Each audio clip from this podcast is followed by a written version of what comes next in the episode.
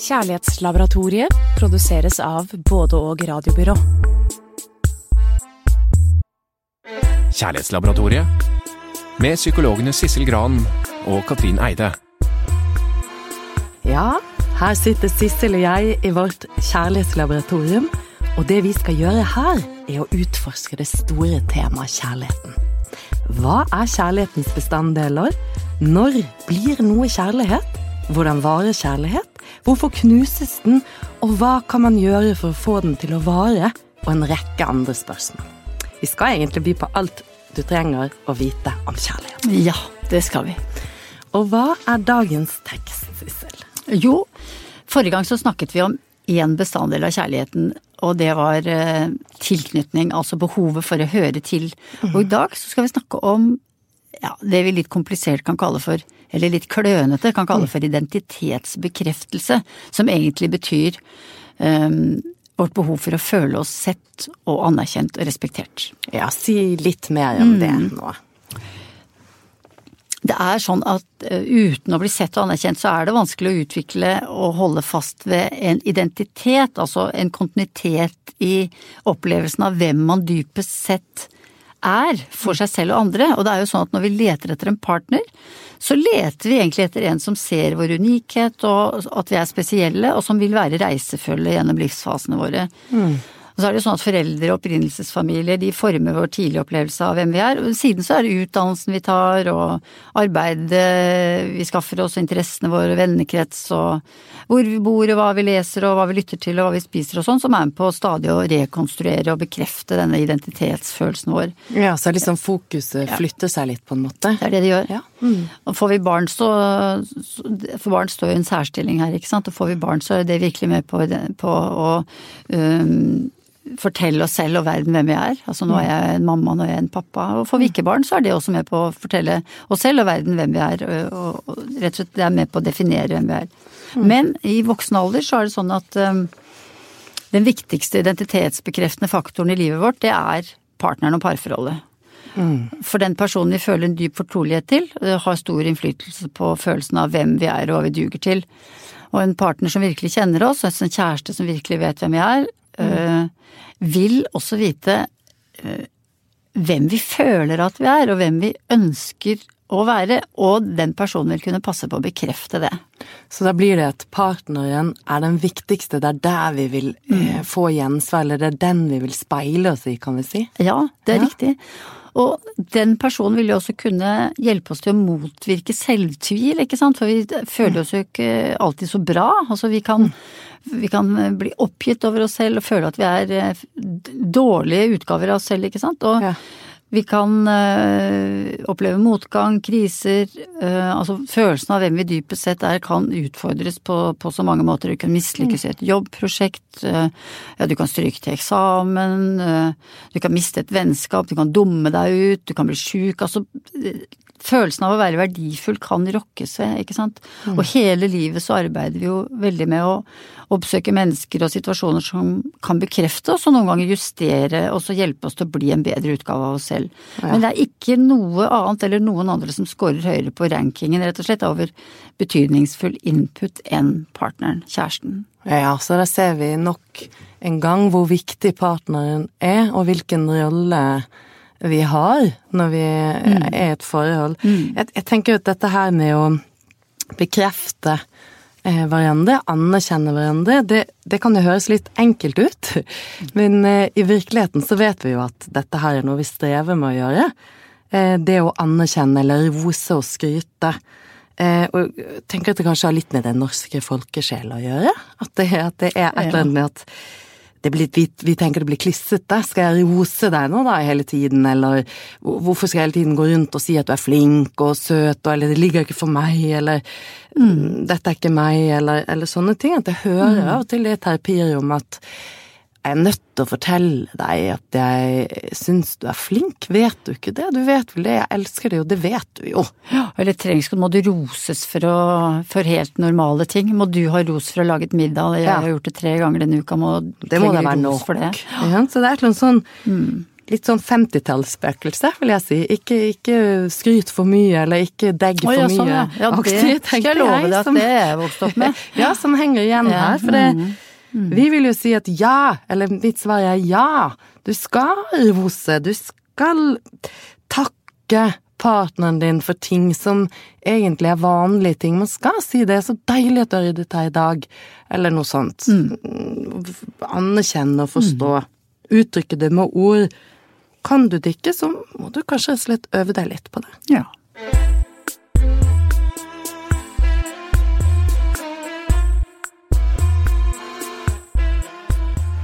I bøkene eh, Innsirkling, som eh, Carl Frode Tiller har skrevet tre av, én, to og tre, Ja. så um, forteller han om et uh, Altså plottet i de bøkene, det er at unge David har mistet hukommelsen og husker ikke lenger hvem han er. Og i en annonse så oppfordres de som kjenner David til å skrive brev til ham for å hjelpe ham å huske.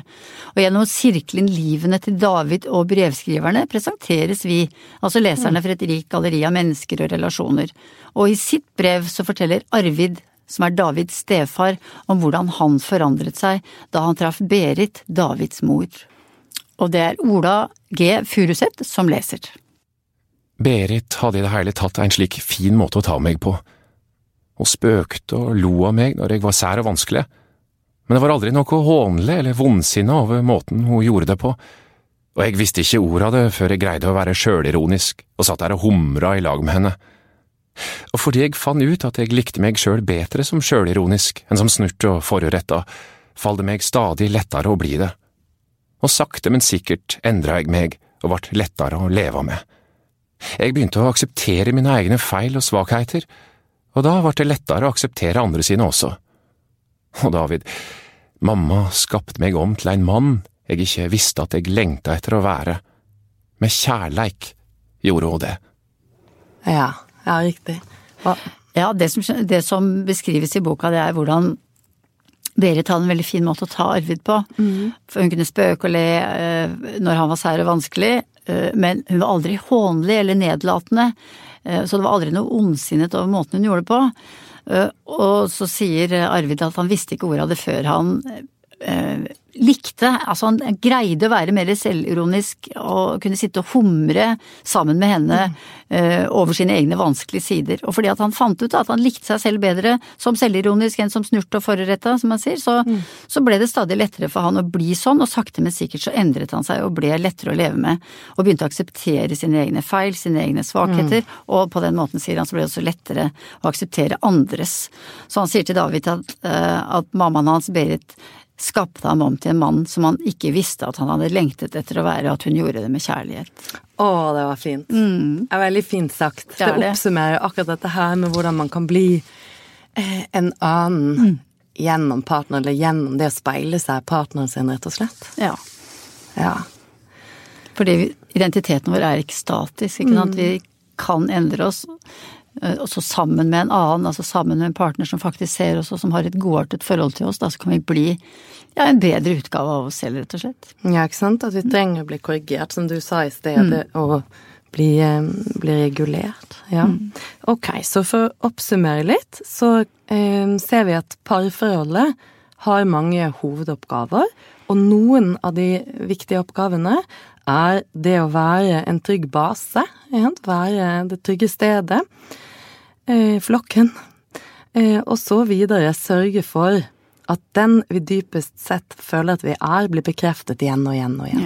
Ja? Bekrefte den andre, hjelpe oss å bli større enn det vi er, Ja. bedre mennesker enn det vi er. Og kanskje like seg selv bedre, da. Har du et eksempel kanskje på På å like seg selv bedre, ja.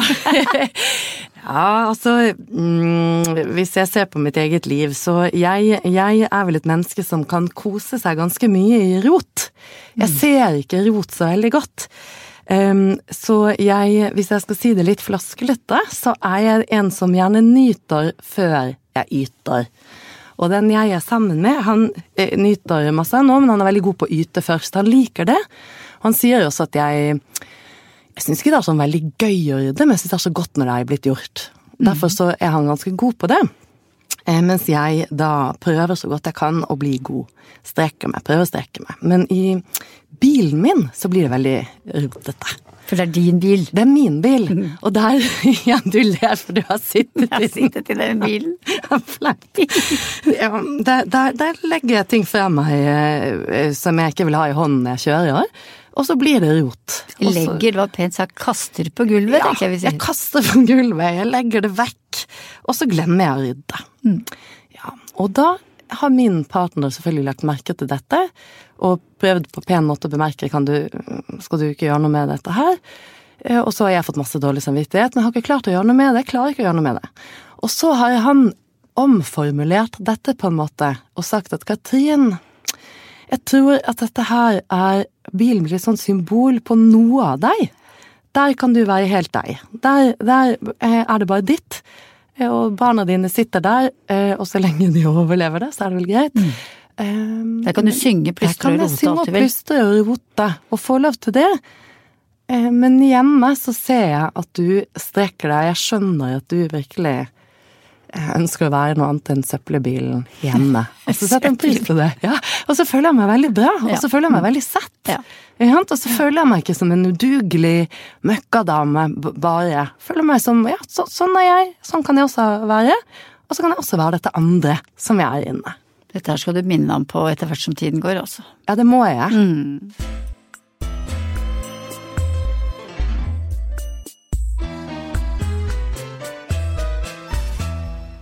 Jeg var på et seminar med psykolog John Gottman. Han har jo jobbet med par, forsket på par i en eh, mannsalder, altså parforholdets økologi. Og så kona hans, som også er psykolog, Julie Gottman, hun satt på første rad.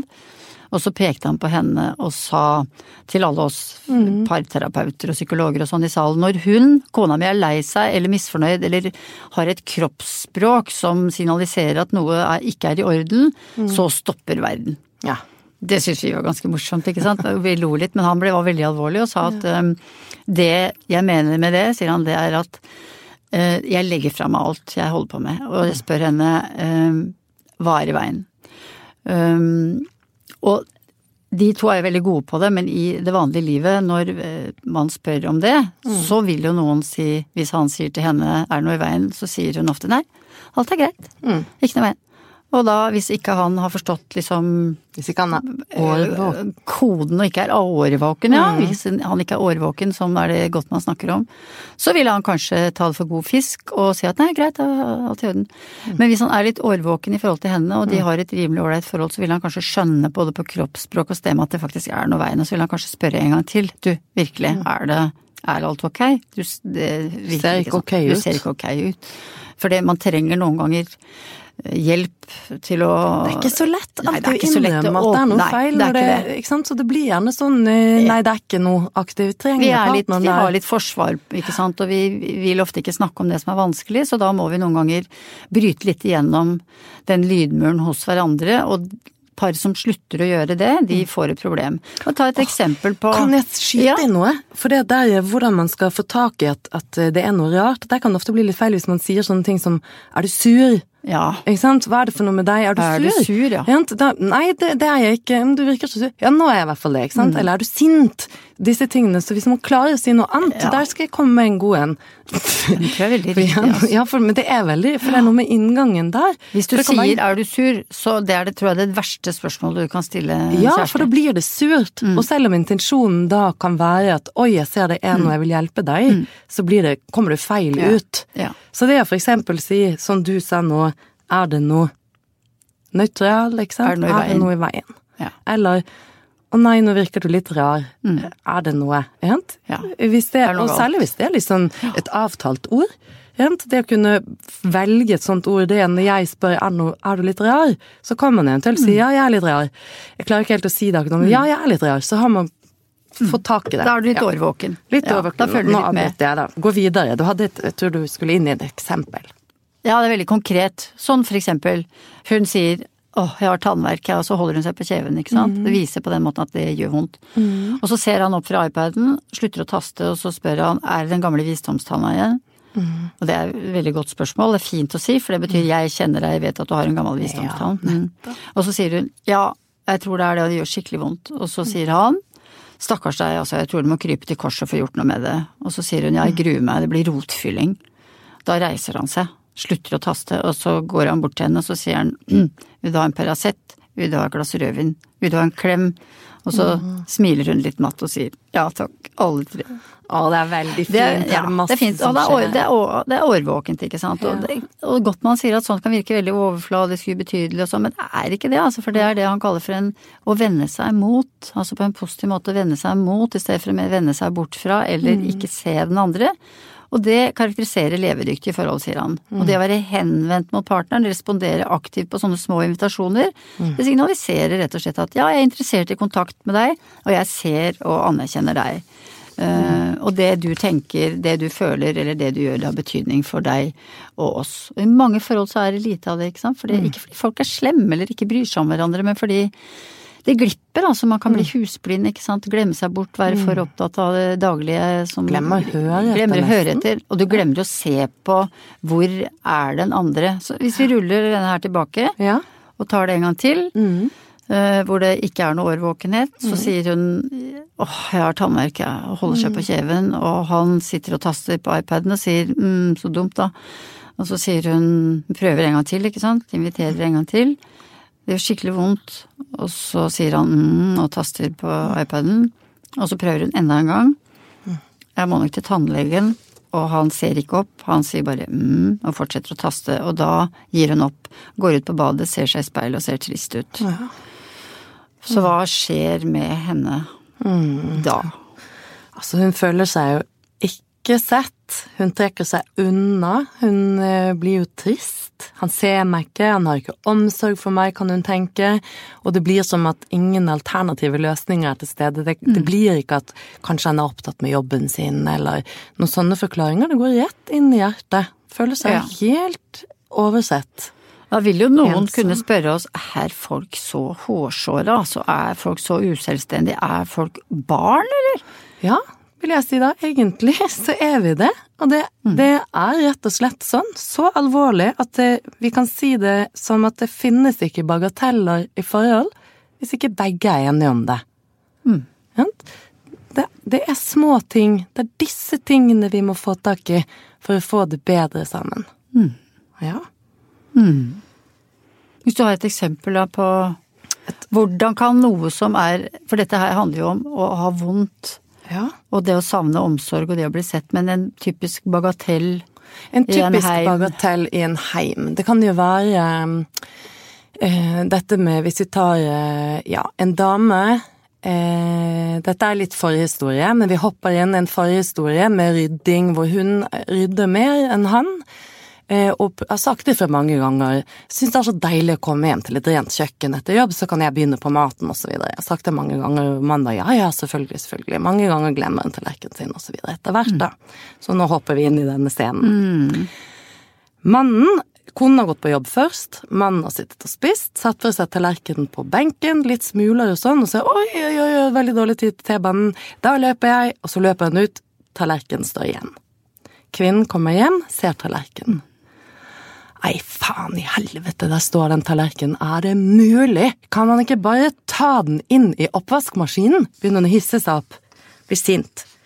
Kommer mannen hjem, og så eh, sier han hei, hei. Så sier hun ja, det var også en tid å komme på. Mye senere enn det du egentlig skulle. Å, herregud, tenker jeg for en sur kjerring. Ja. Snur seg og går og setter seg og leser avis og tenker at hun der gidder i hvert fall ikke å snakke med før etter middag. Hun må spise. mm. lavt blodsukker her. Et eller annet sånt. Det er scenen. Ja, men han ser en sur kjerring, ja. og han uh, ser en som Altså, han føler seg kjeftet på, og han synes det er helt sprøtt. Hva er det hun maser om? Men hva er det som skjer i henne, da? Hvorfor blir hun så forbanna for en bagatell? Det er ikke en bagatell for henne. Tallerken er plutselig ikke en tallerken mer. Tallerken blir et symbol på dette at han ikke kjenner henne, ikke bryr seg om ting som er viktig for henne. Han respekterer henne ikke, og langt nedi der så kjennes det som at han ikke er glad i meg engang. Mm. Det har den tallerkenen plutselig mm, blitt. Nettopp. Ja. Så den får en betydning som er noe helt annet enn det tallerkenen og de smulene og den kniv og en gaffel egentlig er. Ja. Det blir tegnet på at han ikke anerkjenner den hun er. Ja. Altså det motsatte av identitetsbekreftelse. Og da har jo det, som du sier, en forhistorie. Altså dette har skjedd mange ganger. Ja. Og det er sikkert mye annet som også gnager i det forholdet som gjør at dette blir, plutselig blir så svært, da. Mm, Jeg tenker det. Så her er det, my- her er det ganske sånn litt sånn opprydning som må til. Samtidig så er det jo ikke sånn at altså det står mange tallerkener rundt på eh, benker rundt omkring i landet. Så um, Ja, hjemme hos meg for eksempel, der står det mye av det. jeg ryddet Den kjente husslaven, ja. ja. Men det, det man kan tenke, altså det er jo fort gjort å, å glemme, og det er ikke alle som krangler om dette, og i mange hjem så er tallerken bare en tallerken også. Og hva er det disse parene gjør, sånn at tallerkenen forblir en tallerken og ikke et symbol på eh, ikke anerkjennelse eller Altså Det handler jo noen ganger om at det er to personer der som har stor toleranse for rot, eller, og som ikke syns at dette er noe big deal i det hele tatt. Men det kan også være at de har en eh, At de er flinke til å si fra til hverandre på en ålreit måte, og at de, at de reparerer sånne skrammer Ja, som det jevnlig. Jevnlig. Ja. Så enten det den mannen for eksempel kan gjøre, glemme tallerkenen, løpe av gårde, sette seg på T-banen og tenke 'Å, gudskjelov rakk jeg T-banen', så kan han komme på tallerkenen. Det er litt sånn årvåkenhet på en annen måte. Da går det an å sende en melding hjem og si 'du, nå vet jeg, nå rakk ikke jeg tallerkenen, den står på benken og jeg vet at du kommer hjem først'. Unnskyld, det var ikke meningen, jeg vet det betyr så mye for deg. Mm. Jeg skal ta det med en gang jeg kommer hjem. Det kan gjøre en stor forskjell. Da er det bare en tallerken som står der. Mannen husker på det, han vet om det, han kjenner henne. Han sier unnskyld, reparerer i forkant.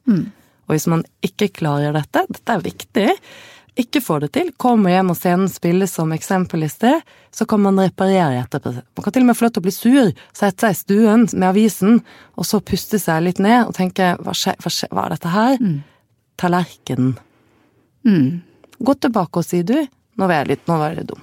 Ja, nå var jeg dum.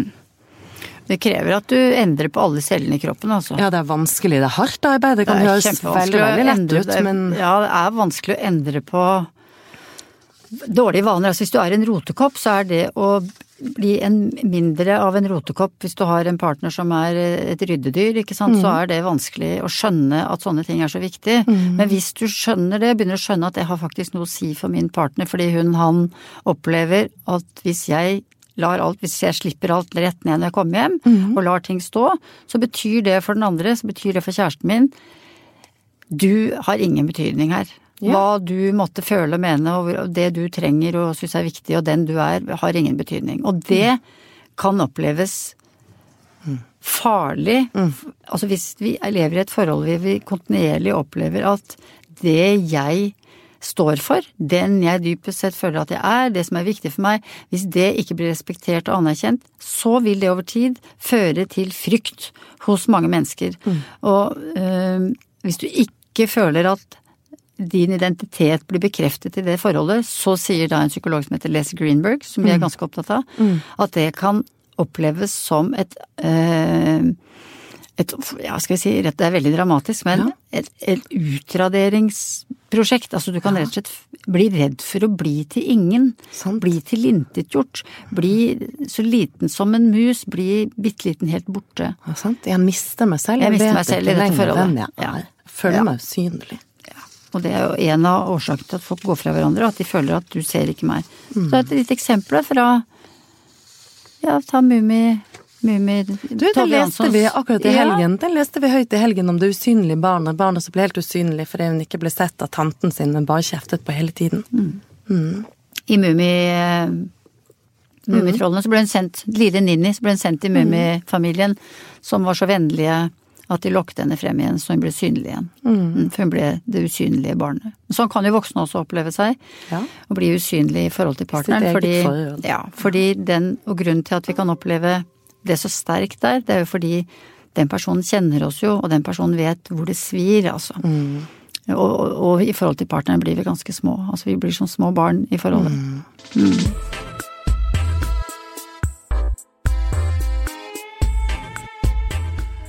I filmen Shall We Dance fra 2004, er en eh, remake av en japansk film fra 1996, så begynner John, som da spilles av Richard Gere, han er en vellykket advokat med en like vellykket kone, Susan Sarandon, da. Han begynner å føle at noe mangler i livet. Ekteskapet er for så vidt godt, men han føler at han går litt i stå.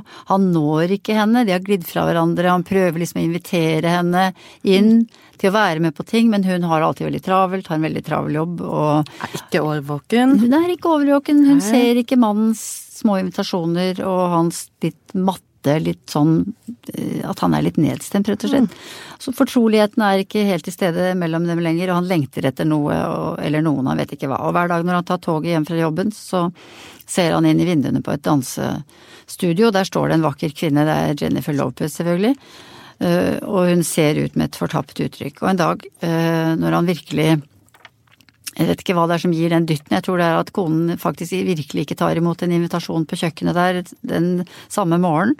Hopper han av toget og går opp trappene til dansestudio, melder seg på et dansekurs i håp om å få kontakt med denne vakre.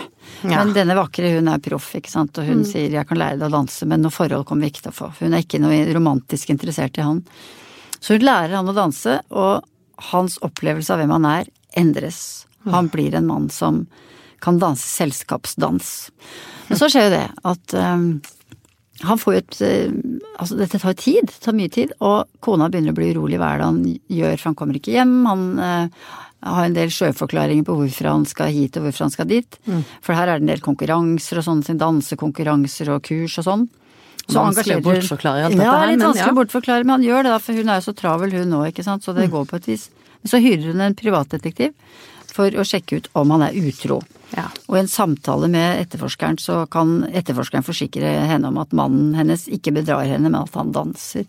Hun blir veldig lettet, men forundret, da. Og så spør hun etterforskeren hvorfor han tror at folk gifter seg, og da svarer han på grunn av lidenskap. Men til det har hun et veldig godt svar, altså. Hun sier eh, nei, det er ikke derfor. Det er fordi vi trenger et livsvitne. Vi lever i en verden med milliarder av mennesker. Hva betyr ett liv? Vi trenger en der som sier ditt liv betyr noe. I et ekteskap eller et parforhold lover vi å bry oss om alt som skjer, det gode, det vonde. Ditt liv går ikke upåaktet hen, for jeg skal legge merke til det. Å, det syns jeg er fint. Det er en god replikk! Ja. Ja Er det? Da, det er veldig, veldig fint. Jeg vet ikke hvem som har liksom laget Det er sikkert manusforfatteren som har lagt den uh, Inn. Det er Susan i- selv som ja. har Eller kanskje det er Susan liv. Ja, kanskje det er hun som har funnet på. Eller en poet. Eller psykolog. Eller. Det er godt, eh, det er godt observert. For hva er det som skjer med han? Altså han Han føler seg jo, eller kjenner seg jo ikke sett, ikke anerkjent. Han har blitt liten i seg selv, og han søker ut når konen ikke tar invitasjoner. Han utvider identiteten sin, ikke sant? Lærer noe nytt om seg selv, som er noe veldig, veldig viktig. Eh, og det er ganske farlig. Han kan jo falle for, han kunne jo, men han er ikke mør, han blir ikke forelska, han gjør ikke det. Han blir noe annet. Han blir en som kan danse, og han inviterer konen sin inn. Og hun tar imot, og så blir de to et dansende og elskende par. Ja, det er det de blir. Det er det vi liker. ja. ja. Så da ser vi hvordan det er viktig å bekrefte eh, hverandre. Jeg vet hvem du er. Jeg kjenner deg. Jeg vet hva du trenger. Eh, ikke sant? For konsekvensen av å ikke gjøre det er ganske fatal. Ja, det er det. Vi skal avslutte med det, men jeg har lyst til å sitere noe som du har skrevet i Morgenbladet, Sissel. Den dagen vi ikke lenger er hverandres livsvitne, den dagen vi ikke lenger bekrefter hverandres identitet og er hverandres trygge sted, men heller en kilde til hverandres skam, uro, ensomhet og angst, den dagen er parforholdets hensikt borte og den emosjonelle kontrakten brutt. Ja, huff. Mm, så det, det skal vi ikke snakke Det mer om vi nå. det kommer nå. tilbake senere. Neste gang skal vi snakke om noe helt annet. Da skal vi snakke om begynnelsen, og hvordan manges kjærlighet begynner, for vi skal snakke om forelskelse. Yes, nettopp. Kjærlighetslaboratoriet er produsert av både og radiobyrå.